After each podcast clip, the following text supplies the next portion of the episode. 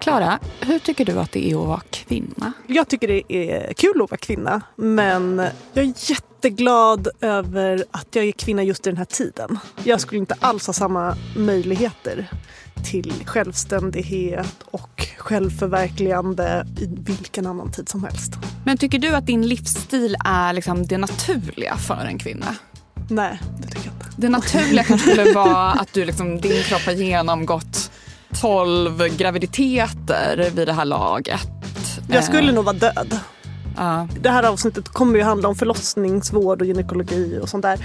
Och min senaste graviditet var ju med tvillingar.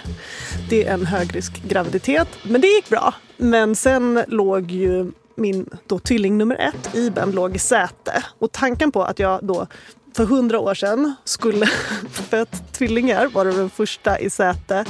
Jag tror faktiskt inte jag hade klarat det. Så att jag tror det naturligaste för mig hade varit att vara död vid det här laget. Du lyssnar på A-kursen i gynekologi och obstetrik med mig, Clara Wallin. Och med mig Emma Frans. Vi vill ju i den här podden ge grundläggande kunskaper i aktuella ämnen. Och det här är ju ett ämne som ständigt är aktuellt.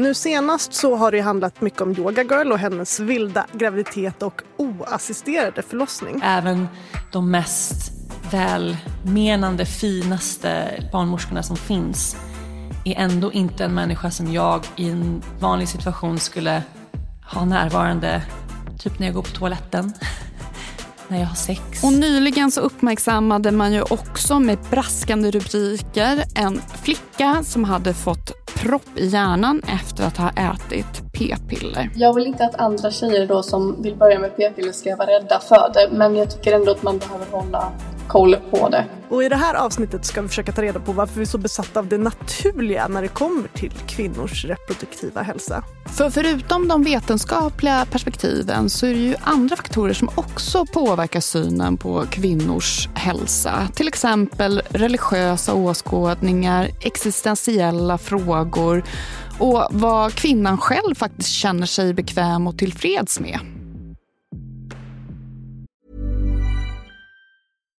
One size fits all seemed like a good idea for clothes Nice dress. Uh, it's a it's a t-shirt. until you tried it on. Same goes for your healthcare. That's why United Healthcare offers a variety of flexible, budget friendly coverage for medical, vision, dental, and more. So, whether you're between jobs, coming off a parent's plan, or even missed open enrollment, you can find the plan that fits you best. Find out more about United Healthcare coverage at uh1.com. That's uh1.com.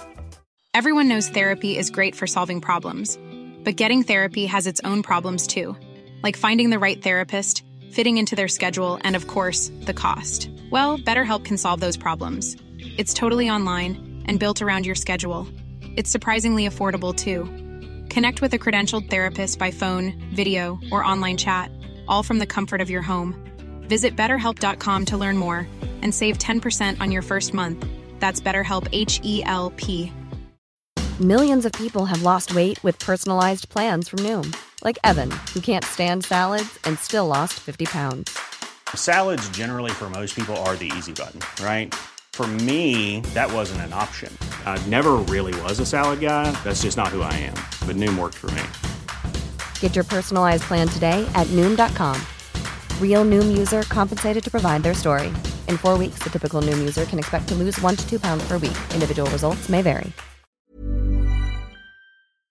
A-kursen sponsras av Akademikernas a-kassa. Det är också Sveriges största a-kassa. Och varför ska man vara med i a-kassan? För att sova bättre om nätterna. För det här är ju någonting som ger en trygghet. Man står inte helt utan pengar om man då skulle bli av med arbetet. Och det är ju jättetråkigt att bli av med jobbet men det blir ju mindre tråkigt om man har safeat upp lite och betalat in 130 kronor i månaden till Akademikernas a-kassa så att man ändå kan få ut upp till 26 400 kronor i månaden. Och om man inte blir av med jobbet så kan man ju vara glad att man bidrar till trygghet för någon annan som förlorar jobbet. Ja, och om man byter jobb då behöver man ju inte heller byta a-kassa just för att det handlar ju inte om exakt vad man sysslar med utan det handlar ju om huruvida man är akademiker eller inte. Och det är vi hela livet. Verkligen. Det är vi ju redan som studenter och även studenter är välkomna att bli medlemmar om man har som mål att ta minst 180 högskolepoäng. Så gå in på akademikernasakassa.se a-kursen i ett ord och bli medlem redan idag. Och tryggare kan inga vara än vi medlemmar och Guds lilla barnaskara. Ni två. Mm. Jag tror barnaskaran är större och medlemmarna med. Tusen tack Akademikernas a-kassa för att ni sponsrar A-kursen. A-kursen sponsras av TCO, Tjänstemännens centralorganisation. Föräldraförsäkringen fyller 50 år i år. Hipp hipp hurra! Hurra för dem! Eller hurra för oss! Ja, gud ja. Vi är ett rätt stort gäng som har kunnat njuta av denna föräldraförsäkring som när den kom till kallades för ett vansinnigt förslag av motståndarna. Men den revolutionerade synen på jämställt föräldraskap och utvecklingen mot en mer jämställd fördelning av föräldrapenninguttaget har gått framåt. Men sen 2018 har det stått nästan helt still på den fronten, vilket är ju supertrist. För det här ojämna uttaget skapar långvariga och bestående inkomstskillnader mellan kvinnor och män. Och i snitt går kvinnor miste om 50 000 kronor per år. Och det här innebär ju att pappa pappor missar en massa värdefull tid med sina barn. Så det blir ju en lose-lose situation. Hur hade ni det? Var ni bra på att dela? Vi var väldigt bra på att dela skulle jag säga. Jag tog första delen, men sen hade vi faktiskt också ett upplägg som var jättehärlig. Där vi båda liksom jobbade halvtid och var föräldralediga på halvtid sista liksom perioden innan i alla fall vårt andra barn började på förskola. Så dela mera, säger vi. Eller hur? Absolut. Och för att fira denna fantastiska 50-årsdag som föräldraförsäkringen firar så har TCO gjort en dokumentärfilm ledd av skådespelaren Emma Molin som i lite härlig historieätaranda berättar om vad som egentligen hänt sedan 1974. Så in och kika på den på TCOs sajt. Tack TCO för att ni sponsrar A-kursen. Vi är ju inte experter på det här. Nej, men som tur var så finns det andra personer som är det. Och till just det här avsnittet så har vi tagit hjälp av Helena Kopp Kallner som är obstetriker, gynekolog på Danderyds sjukhus och också docent vid Karolinska institutet. Och obstetrik är ju en gren inom medicin. Det är läran om graviditeter och förlossning. Och den första frågan som jag ställde till Helena, det var hur länge obstetrik har varit ett vetenskapligt fält. Obstetrik beskrivs ju på något vis redan av de gamla grekerna så att säga. Och liksom eh, Leonardo da Vinci tittade liksom på fosteranatomi och gravida livmödrar och så. Men i Sverige så kan man säga att den moderna obstetriken eh, kom på 1700-talet. Eller ja, modern och modern, men ni förstår vad jag menar. Ja, men att man i alla fall började närma sig det på samma ja, sätt som precis. man närmade sig andra. Ja, innan så var det ju mest så att man liksom tittade på. Men sedan så började man ju ha vissa handgrepp vid förlossning. Det var till exempel som det vi kallar för extraktion på fot. Att man kunde gå in i kvinnans livmoder och ta tag i fostrets fötter för att dra ut barnet. Och eh, då ska man komma ihåg att alla de här åtgärderna som beskrevs på den här tiden, de var ju bara till för att rädda livet på mamman. För man hade ju ingen fosterövervakning och man kunde inte göra någonting åt bebisarna. Utan bebisarna, för dem hade man en skål vatten som stod bredvid. Och det var liksom inte för att tvätta händerna utan det var för att man skulle kunna nöddöpa barnet när det kom ut. Så att den moderna obst liksom, eller obstetriken överhuvudtaget, det handlar ju om att rädda livet på mammor. Vad skulle du säga är den viktigaste upptäckten inom den här medicinska grenen? Det är nog antibiotikan alltså. För att eh, då slapp ju kvinnor dö i infektioner efter förlossning. Men sedan så är det ju också kejsarsnitt och preventivmedel. För preventivmedel är så oerhört viktigt därför att får man inte så många barn så blöder man inte ihjäl så mycket. Så det tycker jag är väldigt viktigt. Och just för att kvinnor liksom ska kunna uppnå sina mål i livet. Men kejsarsnitt var ju viktigt därför att det påverkar kvinnor så oerhört mycket. Just de här långdragna förlossningarna och infektionerna och också att man faktiskt plötsligt kunde rädda livet på barn. Och sen antibiotika. Idag så tänker jag att vi i Sverige tar för givet att man som kvinna ska kunna styra sin fertilitet. Håller du med om det? Gud. Du går inte omkring och är rädd att du ska liksom bli på smällen hipp som happ. Nej, och det hade ju varit jobbigt. Men i och med att man kan göra abort så känns inte det heller som världens läskigaste grej. Det skulle inte behöva göra att liksom alla dina livsplaner helt plötsligt måste ändras eller att saker måste ställas in. Utan du kan ändå på något sätt fortsätta på den inslagna kursen. Mm. Men jag tänker det här att i och med att vi tar för givet att vi kan styra vår fertilitet så glömmer vi också nyttan av alla de här preventivmetoderna och då blir det väldigt mycket fokus på riskerna och de eventuella bieffekterna. P-pillret har ju varit en väldigt revolutionerande upptäckt för oss kvinnor. Hur kom p-pillret till? Ja, man kan säga så att kunskapen kring vad som krävdes för att göra ett p-piller, den hade nog funnits ganska länge.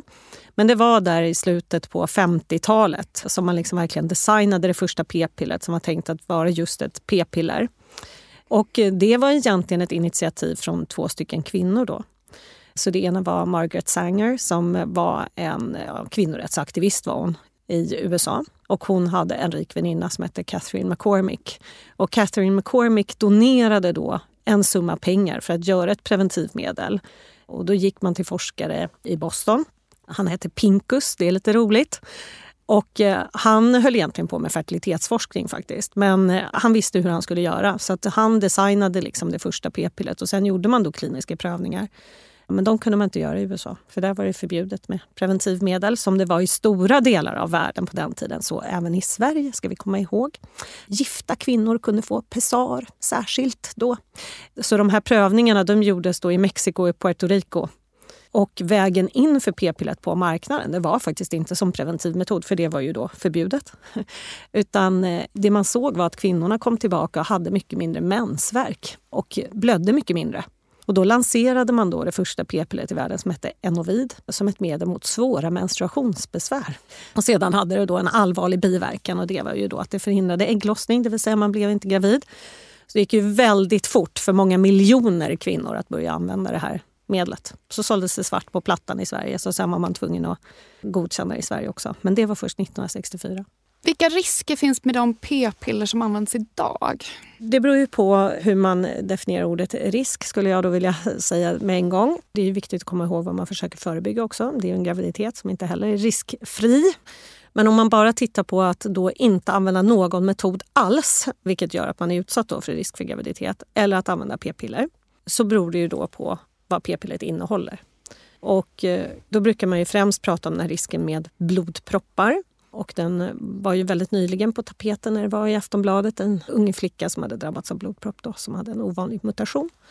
Och eh, det är bara förknippat med p-piller som innehåller östrogen. Så enbart p-piller som innehåller östrogen. Och här är det ju ett litet dilemma eftersom det ofta står då i bipacksedeln och det står i FASS om man nu googlar och så att alla möjliga preventivmedel är förknippade med blodproppsrisk. Men det är faktiskt enbart p-piller med östrogen och det här är vi helt säkra på. Så det står fel helt enkelt i all, alla andra källor som påstår någonting annat. Och då ser de riskerna väldigt olika ut beroende då på vilken kvinna man ger p-pillret. Och I Sverige jobbar vi hårt med riskminimering. Så att vi har väldigt strikta riktlinjer för vem som får ett p-piller med östrogen och vem som inte kan få det. När det kommer såna här braskande rubriker om farorna med preventivmedel, vad tänker du då? Tycker du att det är oansvarigt att man fokuserar så mycket på de eventuella bieffekter som kan dyka upp? Alltså om jag ska vara ärlig så tänker jag så här, åh nej, nu kommer massa tjejer att få göra aborter som de inte hade velat göra. Det är faktiskt min första tanke när jag ser det där. Och jag tror inte att jag är ensam om att tänka så bland barnmorskor och läkare. Och varenda gång det kommer så här så får jag massa mejl från liksom bekymrade barnmorskor, framförallt på ungdomsmottagningar. Som liksom, hur ska vi hantera det här? Varför händer det här hela tiden? Det här är ju inga nyheter. Och varför kan man liksom inte bara lita på att vi gör ett bra jobb? En slags hopplöshet över att det här liksom aldrig tar slut. Så det är min tanke och jag vet som sagt att jag inte är ensam om det. Och Samtidigt så tänker jag så här att i den här äh, klickvärlden som vi lever i, där alla ständigt jagar klick, så blir det så att negativa nyheter ger ju oerhört mycket fler klick än positiva nyheter. Och varför gör det det? Ja, det är ju vårt eget fel. Det är ju våra mediakonsumtionsvanor som gör att det blir så. Och då är det svårt, liksom, då kommer det så här down to human nature. Liksom. Det här är människans natur. Hur ska vi kunna möta det? Jag tror att vi måste vara jättetydliga med att det finns risker. vi ska informera om riskerna. Så att de tjejerna som äter kombinerade p-piller när de ser den här rubriken om tromboser så ska de börja säga så här, ah, men vilken tur att jag redan har fått information om det här. Det här påverkar inte mig, jag visste ju redan. Och när mamma kommer och säger, men är det inte såna här p-piller du äter, ska du inte sluta? Då ska man säga så men mamma, chilla. Liksom. Jag har koll på det här, min barnmorska har koll på det här och du kan vara lugn. Så att man själv känner sig trygg. Det är väl så vi måste jobba med det hela. Så då blir det ingen som klickar på de där nyheterna. Då kommer de försvinna av sig själva. Alltså det är min förhoppning. Den 22 juni i år kunde man läsa den glada nyheten i Aftonbladet att influensen Lovisa Lojsan Wallin skulle bli mamma för tredje gången. Det kändes så bra. Vi har faktiskt försökt ett tag, så vi blev så glada när det väl plussades på stickan. Det är första barnet som faktiskt blev planerat, säger Lojsan. Men lite intressant i sammanhanget är då att hon i samband med de här första två graviditeterna gjorde reklam för preventivmedlet Natural Cycles i sina kanaler. Och Emma, du har koll på vad Natural Cycles är? Vet du, jag har extremt bra koll på vad Natural Cycles är. Alltså min första artikel som någonsin blev publicerad i en riktig tidning, om man får säga så. Mm. En kvällstidning. handlade om just natural cycles. Och hur naturligt och fantastiskt det var att slippa hormoner då, eller vad var din take? Jag var väldigt kritisk till natural cycles. Den här artikeln som jag skrev det var liksom en debattartikel och den publicerades i slutet av 2015. Och där menade jag då att det här ska snarare ses som en liksom fertilitetsmonitor. Att man kan få veta när man då är fertil och när man inte är det. Men jag var då väldigt kritisk till sättet man marknadsförde Natural Cycles. Och det här är alltså en app där man som kvinna varje morgon ska ta sin temperatur och sen loggas den i den här appen. Och så ska den räkna ut ens cykel och då flagga dagar då man inte kan ha sex om man inte vill bli gravid. Exakt. Det här är en metod som bygger på att kvinnans kroppstemperatur sjunker vid ägglossning för att därefter höjas något. Men som du var inne på med Lojsan, hette hon så? Mm. Det var ju att man marknadsförde det här med hjälp av sociala medier, med hjälp av podcast, på populära bloggar. Alltså man hade så influencer marketing väldigt mycket. Isabella Lövengrip gick in som investerare redan 2014 och hon var väl en av de första då som började marknadsföra det. Sen kunde man ju knappt gå in på Instagram utan att se reklam för Exakt. det här. Exakt. Och det jag också var väldigt kritisk till det var ju att man också spelade på den här rädslan som vissa har för hormonella preventivmedel om man liksom återgav citat från personer som hade upplevt stora problem som ett resultat av p-pilleranvändande. Och då är det så här, det finns andra preventivmedel men då är det liksom hormonfritt eller inget. Exakt, så man spelade väldigt mycket på den här rädslan för hormonella preventivmetoder. Och man använde mycket såna här begrepp som liksom att det naturliga är det bästa och att det är mycket bättre än det onaturliga. Och de hade till och med såna här liksom slagord som behåll kroppen 100% naturlig. Men när då Lovisa Wallin gick ut med att hon blivit gravid 2018 efter att hon gjort reklam för Natural Cycles så var alla influencers blåslampa i röven bloggbevaknings Camilla Gervide inte sen med att kritisera henne. Trots att Natural Cycles blivit anmälda till Läkemedelsverket och blivit extremt kritiserade de senaste dagarna så hindrar det på intet sätt influencers att försöka tjäna så mycket pengar som det bara går innan katastrofen är ett faktum. Och någon av dem blir gravida, trots att de använder detta så kallade preventivmedel som kallas Natural Cycles.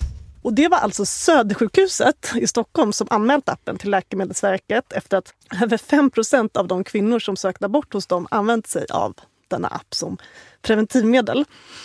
Och då besvarade Lovisa Wallin kritiken med orden nu är det så att jag tycker om natural cycles och det fungerar för mig. Jag minns att ta tempen varje morgon medan när jag tog p-piller glömde jag konstant att ta tabletterna, vilket man också kan bli gravid av. Punkt, punkt, punkt. Jag tycker inte det är konstigt att jag uppmanar mina läsare att sluta använda hormoner. Många mår inte bra av det och jag tycker det är grymt att det finns andra sätt. Och just det, big news, men tjejer slash kvinnor har blivit gravida på p-piller, p-stav och massa andra preventivmedel. Det är ingen nyhet att det inte finns något som är 100% säkert. Och sen när jag kikar runt på bloggbevakning så verkar det ju varit fler influencers som blivit gravida i samband med att de gjort reklam för Natural Cycles som preventivmedel, inte som fertilitetsapp. Men Helena Kopp-Kallner, hon är ändå lite försiktigt positiv tyckte jag till Natural Cycles.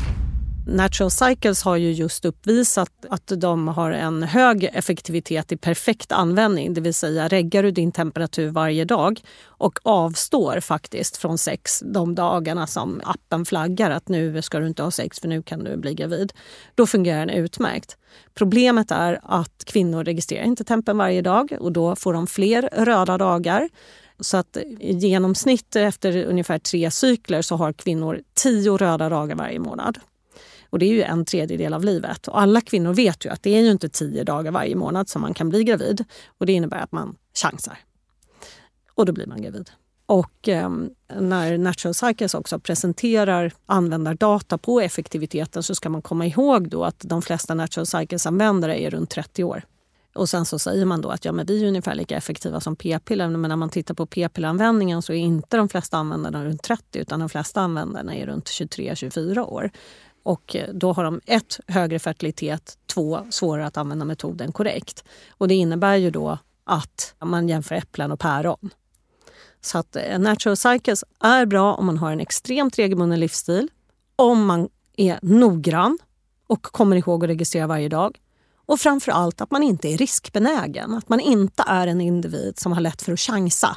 För man får inte chansa, för då blir man gravid när du pratar om effektivitet av mm. olika preventivmedel, då inkluderar man benägenheten att använda, alltså ja, compliance. Ja. Mm, Så man tittar inte bara på en ren liksom, biologisk effekt? Nej, den här biologiska effekten som du pratar om det kallar vi då för perfekt användning. Medan vi då hellre vill prata om det som är typisk användning. För de flesta människor är lite typiska, så där väldigt få är perfekta. Så när man pratar om kondom till exempel, då ingriper det också att jag hade tänkt använda kondom, men den kom inte på. Och det finns ju många olika skäl till det. Och det vanligaste skälet är att kondomen är inte där man själv är. Utan jag brukar säga att den ligger i väskan som är vid dörren och man själv är i soffan. Eller man kanske till och med har den i brallorna. Men brallorna ligger på golvet så långt borta från sängen så att du måste kliva upp och gå och hämta den och då kommer den inte på. Och det inbegriper det då. Därför att då har man tänkt sig använda kondom men det blev inte så. Och det är ungefär samma då som att man använder sina p-piller men man åkte iväg på semester och glömde p-pillerna hemma. Och så blir man gravid under semestern. Så att då hamnar man i p-pillergruppen faktiskt. Man har tänkt sig att använda en metod men det blev inte så. Just det, så det jämförs då hela tiden med en, säg, alternativet som är då en hormonspiral som Exakt. redan är på plats. Exakt, som du aldrig kommer alltid med på semestern alltså. Så bra. Det går inte att glömma den. Nej. Nej. Perfekt användning och typisk användning är samma. Vi nämnde ju kort Yoga Girl och hennes vilda graviditet och oassisterade förlossning. Och att Svenska Dagbladet precis gjort en podddokumentär om den i tre delar. Rakel Brotén har runt två miljoner följare på sitt Instagramkonto. Men majoriteten av de där två miljoner följarna på Instagram är amerikaner. Här hemma i Sverige kom uppmärksamheten kring hennes graviditet först efter en intervju med tidningen Mama. Där nämnde hon att hon tänkt föda hemma, utan barnmorska och att hon inte heller går på de där vanliga kontrollerna hos mödravården. Hur tyckte du det var att lyssna på den dokumentären? Alltså jag blev enormt provocerad. Dels av Yoga Girl, men jag tyckte ju också att man kanske inte riktigt slog hål på många av de här myterna som man liksom gav en plattform via den här podden. Det blir någon form av lite så här ramaskri kring det. Ja, men från eh, Nyhetsmorgon och från kvällssoffor och från eh, olika radiokanaler och från Expressen. Och, för de vill ha svar på det här sensationella. Liksom, det är en jättebra löpsedel eller jättebra rubrik på någon artikel. Att herregud, jag avsäger mig sjukvården. Jag liksom sätter mig själv i risk och mitt barn i risk. Jag har ju vikt mitt liv och min forskning till på något vis eh, tron på kvinnan själv och hennes förmåga att fatta vettiga beslut. Så jag tycker att man har rätt att fatta det här beslutet för sig och för sitt barn. Och Det innebär också att man är villig att ta ansvar för eventuella konsekvenser av det beslutet. Sverige är ju väldigt liberalt. Man kan välja att gå upp på Kebnekaise i flipflops brukar jag säga och sen när det blir dåligt väder då ringer man på fjällräddningen så kommer de liksom eller ger sig ut på ensamseglare på Atlanten och förlita sig på att folk ska åka ut med helikopter och rädda när båten har gått under. Man kan tycka att ja, men det var väl att verkligen utsätta sig för en risk. Man kan säga att man har en väldigt grav övervikt och råkar ut för komplikationer eller röker och får lungcancer och samhället finns ju där. Så liksom, jag tycker inte att man kan förbjuda såna här grejer utan det måste ingå i, i kvinnans frihet så att säga. Att hon får välja det här. Och i det ingår ju också att går det åt fanders då, då ska man ju leva med de konsekvenserna resten av livet och då får man göra det. Jag tror på att kvinnan har möjlighet till det. There's never been a faster or easier way to start your weight loss journey than with PlushCare. PlushCare accepts most insurance plans and gives you online access to board-certified physicians who can prescribe FDA-approved weight loss medications like Wigovi and Zepbound for those who qualify. Take charge of your health and speak with a board-certified physician about a weight loss plan that's right for you. Get started today at plushcare.com slash weight loss. That's plushcare.com slash weight loss. plushcare.com slash weight loss. Everyone knows therapy is great for solving problems, but getting therapy has its own problems too, like finding the right therapist, fitting into their schedule, and of course, the cost. Well, BetterHelp can solve those problems. It's totally online and built around your schedule. It's surprisingly affordable too. Connect with a credentialed therapist by phone, video, or online chat, all from the comfort of your home. Visit betterhelp.com to learn more and save 10% on your first month. That's BetterHelp, H E L P. Burrow's furniture is built for the way you live.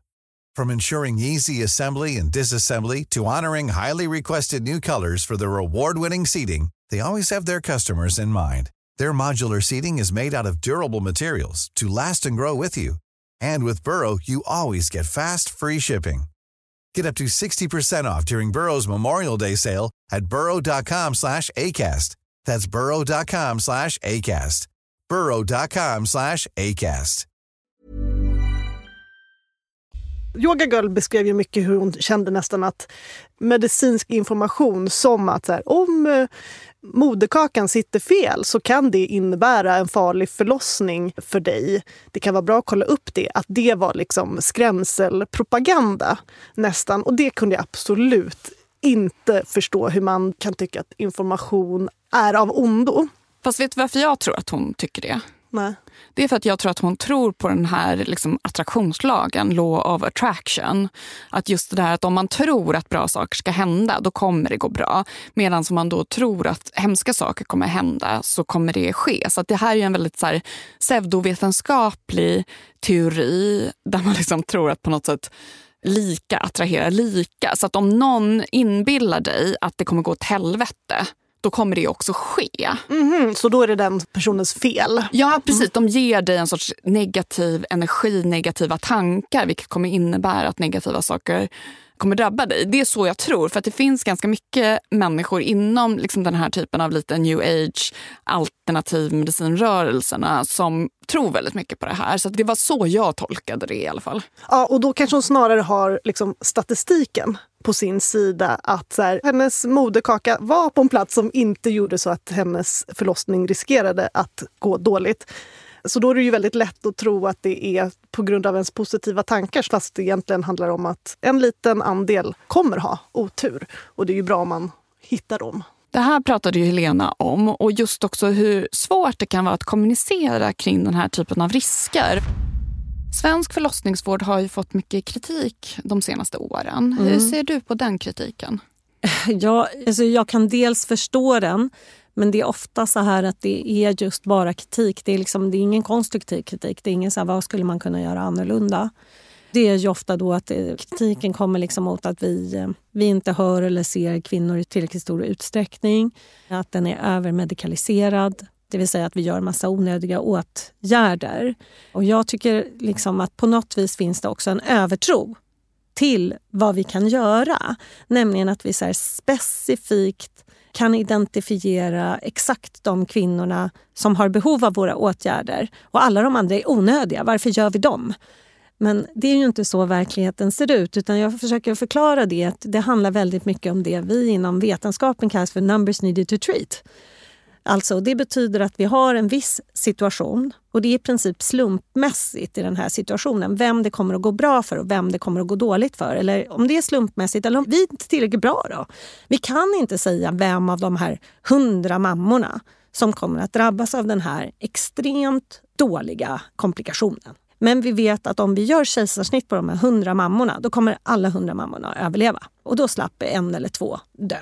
Och då kan man säga så okej, okay, då har vi gjort 98 eller 99 onödiga kejsarsnitt. Jo, fast vi har ju räddat livet på en till två. Hade vi inte gjort något av de här kejsarsnitten, då hade ju en till två dött. Men okej. Okay. Och hur ska man hantera det då? Är det det man säger då? Skulle vi inte ha gjort de här kejsarsnitten? Eller hur tycker du att vi ska lösa det här? För att vi kan inte förutse vem som är de här en eller två som kommer att dö.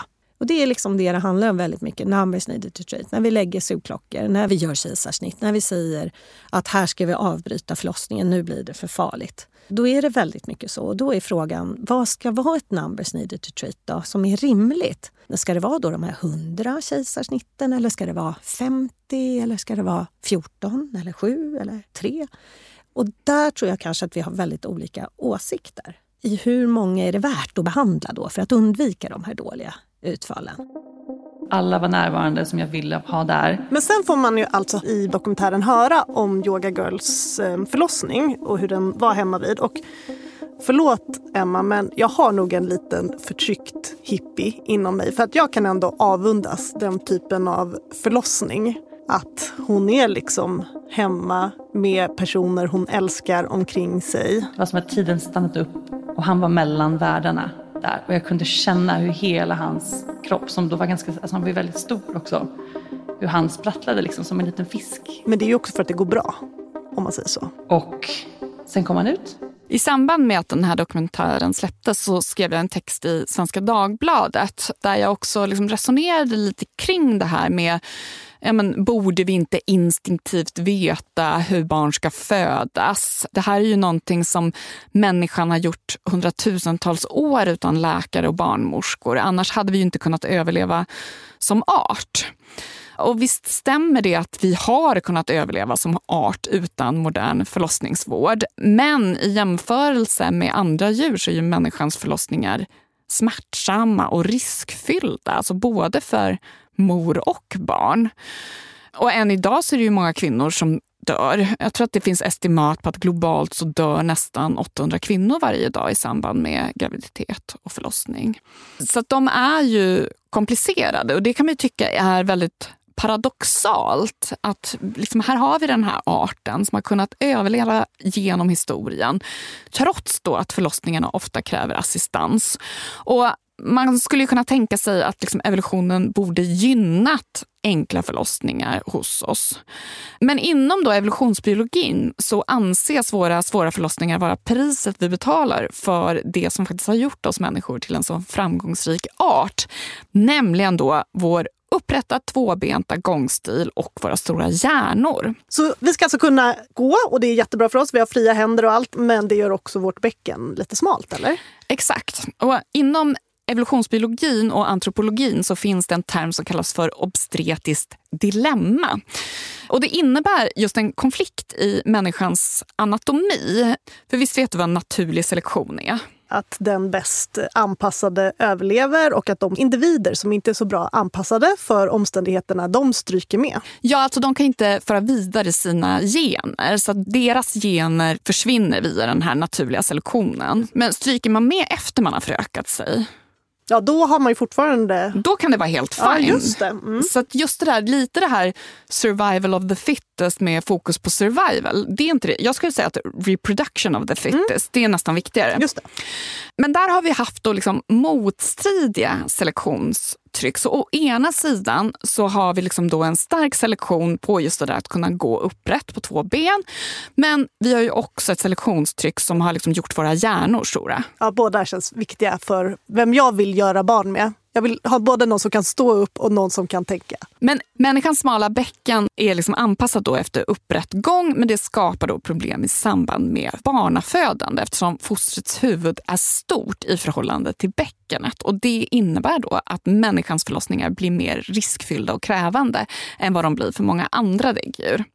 Så att man menar alltså att det är den här liksom, kombinationen av de här egenskaperna och det här motstridiga selektions selektionstrycket som är förklaringen till varför våra naturliga förlossningar är så pass svåra.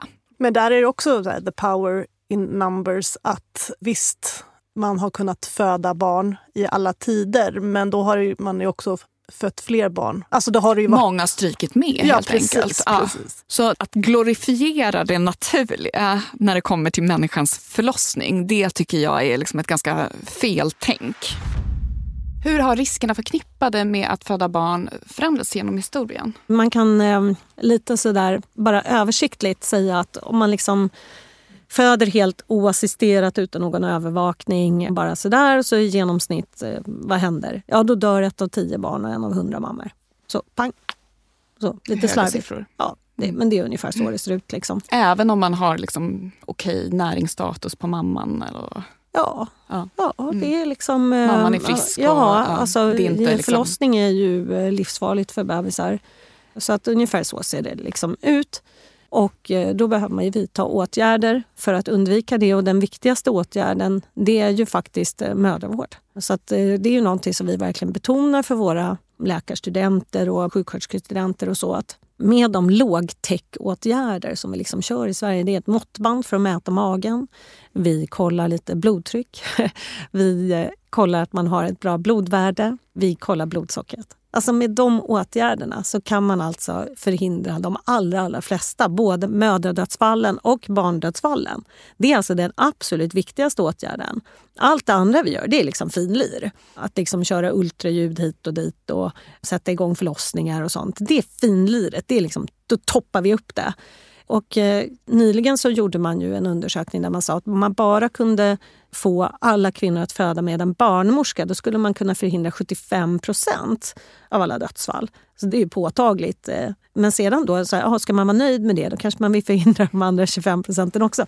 Då måste det till lite mer. Då måste det till liksom, möjlighet till kejsarsnitt och läkarvård och liksom sådana saker. Men det är mycket man kan göra med ganska enkla medel. Oerhört mycket man kan göra med enkla medel. Och då ska man komma ihåg att oerhört många kvinnor i världen har inte ens tillgång till de här enkla medlen. I subsahariska Afrika, liksom att man, man försöker ju få kvinnor att göra kontroller under graviditeterna men det är svårt för att det är så otillgängligt. Det mest naturliga man kan vara är väl ändå ett djur. Vi är väl djur på något sätt, men du menar att liksom leva på ett djuriskt sätt? Mm, vad är mest naturligt? Du eller en get? Ja, en get definitivt. Eller en hare? Ja. Det är faktiskt så att de allra flesta däggdjuren äter ju sin egen moderkaka efter eh, förlossning. Men det gör inte vi människor. Är det för att vi bara har förtryckt den naturliga delen av oss själva? Har du haft något sug någon gång? Eh, Moderkakasug? Jag tror inte jag fick se moderkakorna när jag då förlöste mina tvillingar med kejsarsnitt. Men min första... Jag blev förvånad över hur stor den var, moderkakan. Jag tänkte det är, en, det är ett skråmål. Man skulle bli nöjd, ja. Mm. Och då sa de att den ändå var liten. Medan Yoga Girl, hon ångade moderkakan med svartpeppar, citron och ingefära. För det var så här att hon ville gärna ha hjälp med det här. Hon bodde på Aruba då. Jaha, det var första barnet? Ja, det var första barnet. I typ USA kan man ju lämna in sin moderkaka och få det i pillerform. Men det fanns ingen på Aruba som kunde hjälpa henne med det. Så då fick hon göra det själv. Men sen liksom torkade hon moderkakan och kapslade in den i pillerform. Så åt hon den varje dag. Det låter inte jättenaturligt. Nej, ät den liksom. Ja, men ät, slafsa i dig den. Kom igen, som en katt. Om du tänker på det så har moderkakan bevarat din bebis liv i nio månader. Det är den mest naturliga saken i hela världen, säger Rakel Brotén.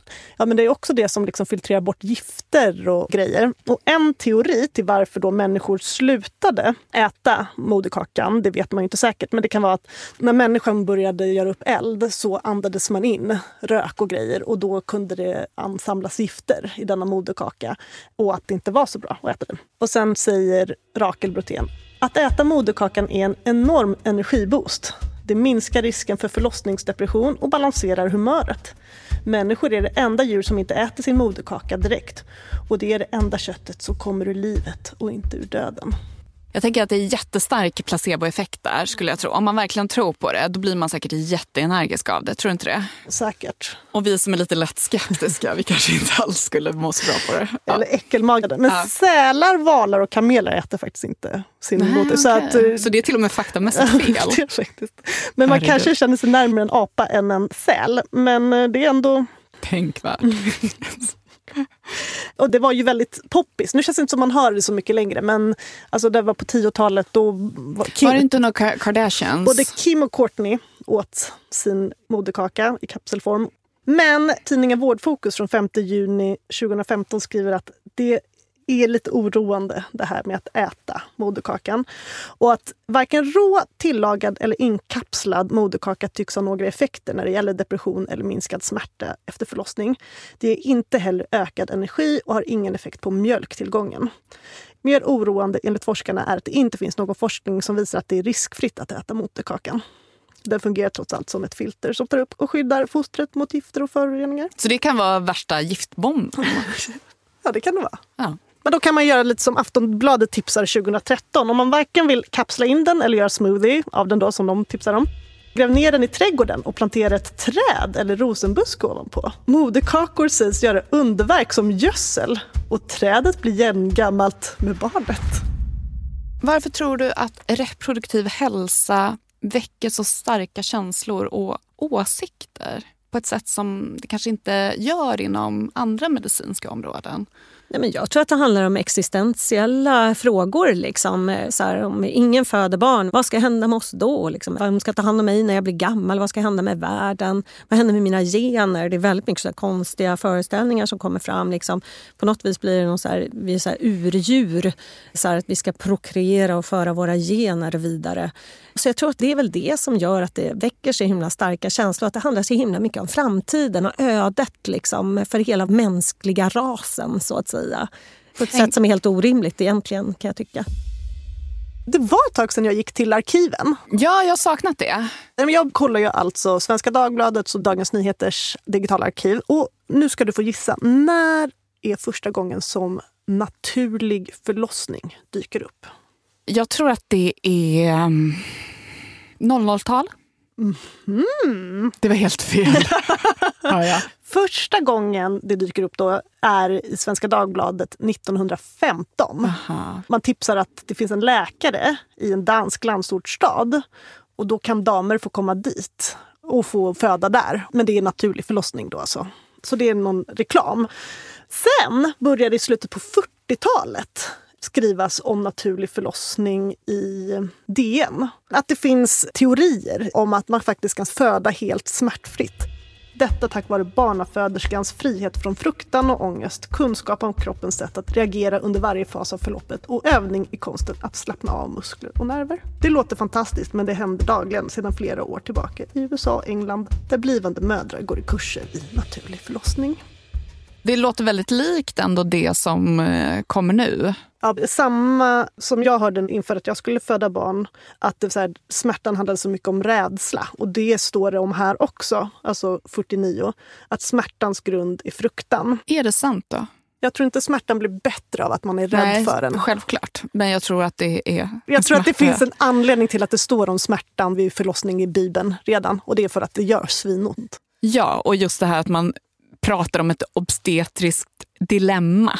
Det är ju också av en anledning. Mm. Människan sticker ut när det kommer till hur pass smärtsamma våra förlossningar är. Och det är inte bara hjärnspöken. Eller intuition. Vad tänker du om när det är en sån här influencer som går ut och offentligt pratar om att hon inte kommer ha kontakt med vården under sin graviditet eller förlossning? Ja, så jag tycker att det är problematiskt. Jag tror såklart att det här ändå att det ger folk idéer om att det här kanske vore någonting för mig. Hon får det att framstå som så enkelt och vackert, tycker jag. Hon pratar om att lita på sin intuition. Jag tror på min intuition och därför kommer det gå bra för mig och barnet. Och det tycker jag är ganska förskräckligt eh, uttalande för att jag tänker så här att på något vis så menar hon då att kvinnor och barn dör i världen för att kvinnorna har dålig intuition. Och för henne kommer det att gå bra för hon har bra intuition. Då dör de andra för att de har dålig intuition eller vad menar hon? Och all forskning talar ju för att kvinnors intuition, den har ingenting att göra med varför man dör eller överlever. Och sen säger hon också att hon tror absolut inte att folk kommer att avstå mödravård och föda hemma på grund av att hon går ut i media och talar om det här. Och jag tror att hon underskattar sin egen betydelse då, eller underdriver sin egen betydelse. Och det kan ju framstå som ödmjukt att tro att man inte är så viktig. Men jag tycker snarare att det är insiktslöst. Det är ett sätt att slippa um, ta ansvar. Exakt. Mm. För att vi vet att influencers har jättestor betydelse. Det är därför de kallas för influencers. Därför att de påverkar människor. Och tror man inte att man kan påverka människor om man är influencer, då kan man lika gärna lägga ner verksamheten. För det måste ju vara en del av det hela. Man tänker sig ändå att man kan påverka människor. Så att jag tycker att det är lite farligt, måste jag säga, att så tveklöst tala för det här och prata om intuition och att man ska lita på sin intuition och sådär, när vi vet att det har ingenting med saken att göra, utan det var ju tur. Tur hade hon. Tycker du att det är konstigt att man har den här vurmen för det naturliga?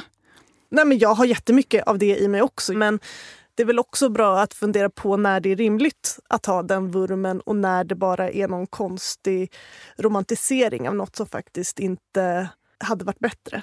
Ja, men jag tror att du har en viktig poäng där. Att vi kanske ibland romantiserar hur det var förr. Hur det var när vi levde som liksom jägare och samlare. Man tror att vi liksom var lyckliga och levde liksom i harmoni med naturen. och Vi födde våra barn ostört. Men jag menar, människans historia är präglad av enormt mycket lidande. Kvinnor som har dött, barn som har dött. Så att även om man då kan vurma för det naturliga i vissa sammanhang så tror jag att det är jätteviktigt att komma ihåg att det är så otroligt positivt att man har gjort såna framsteg medicinskt när det gäller då vård vid förlossningar och graviditet. Naturen är jättevacker men den är också otroligt grym. Du har precis tagit A-kursen i gynekologi och obstetrik med mig, Clara Wallin. Och med mig, Emma Frans. Och ingen A-kurs om det inte finns en tenta. Så gå in på vår Instagram, akursen podd, där vår tenta ligger i händelserna om du har lyssnat snabbt. Annars ligger tentan i höjdpunkter som vi har sparat. Och då står de rätta svaren redan, så då får du be någon annan läsa upp för dig så det får bli en muntlig tenta. Och så vill jag också tipsa om överkursen som kommer nu på torsdag. Och det var en så matig intervju så att vi kommer ju göra ett nytt avsnitt med Helena inom kort. Ja, och då kommer vi fokusera på abort och aborträtten. Eh, för det här är ju ett ämne som är väldigt aktuellt, inte minst för att man i vissa delar av världen börjar inskränka aborträtten på ett väldigt alarmerande sätt. Och enligt Helena är det dåligt för alla. Följ oss gärna i din poddapp, kanske ge ett betyg också om du är på gott humör. Och det här avsnittet har spelats in på Beppo.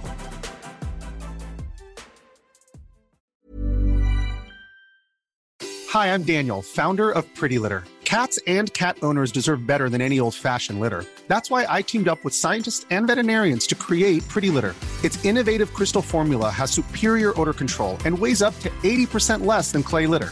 Pretty Litter even monitors health by changing colors to help detect early signs of potential illness. It's the world's smartest kitty litter. Go to prettylitter.com and use code ACAST for 20% off your first order and a free cat toy. Terms and conditions apply. See site for details. Even when we're on a budget, we still deserve nice things. Quince is a place to scoop up stunning high end goods for 50 to 80% less than similar brands. They have buttery soft cashmere sweaters starting at $50 luxurious Italian leather bags, and so much more.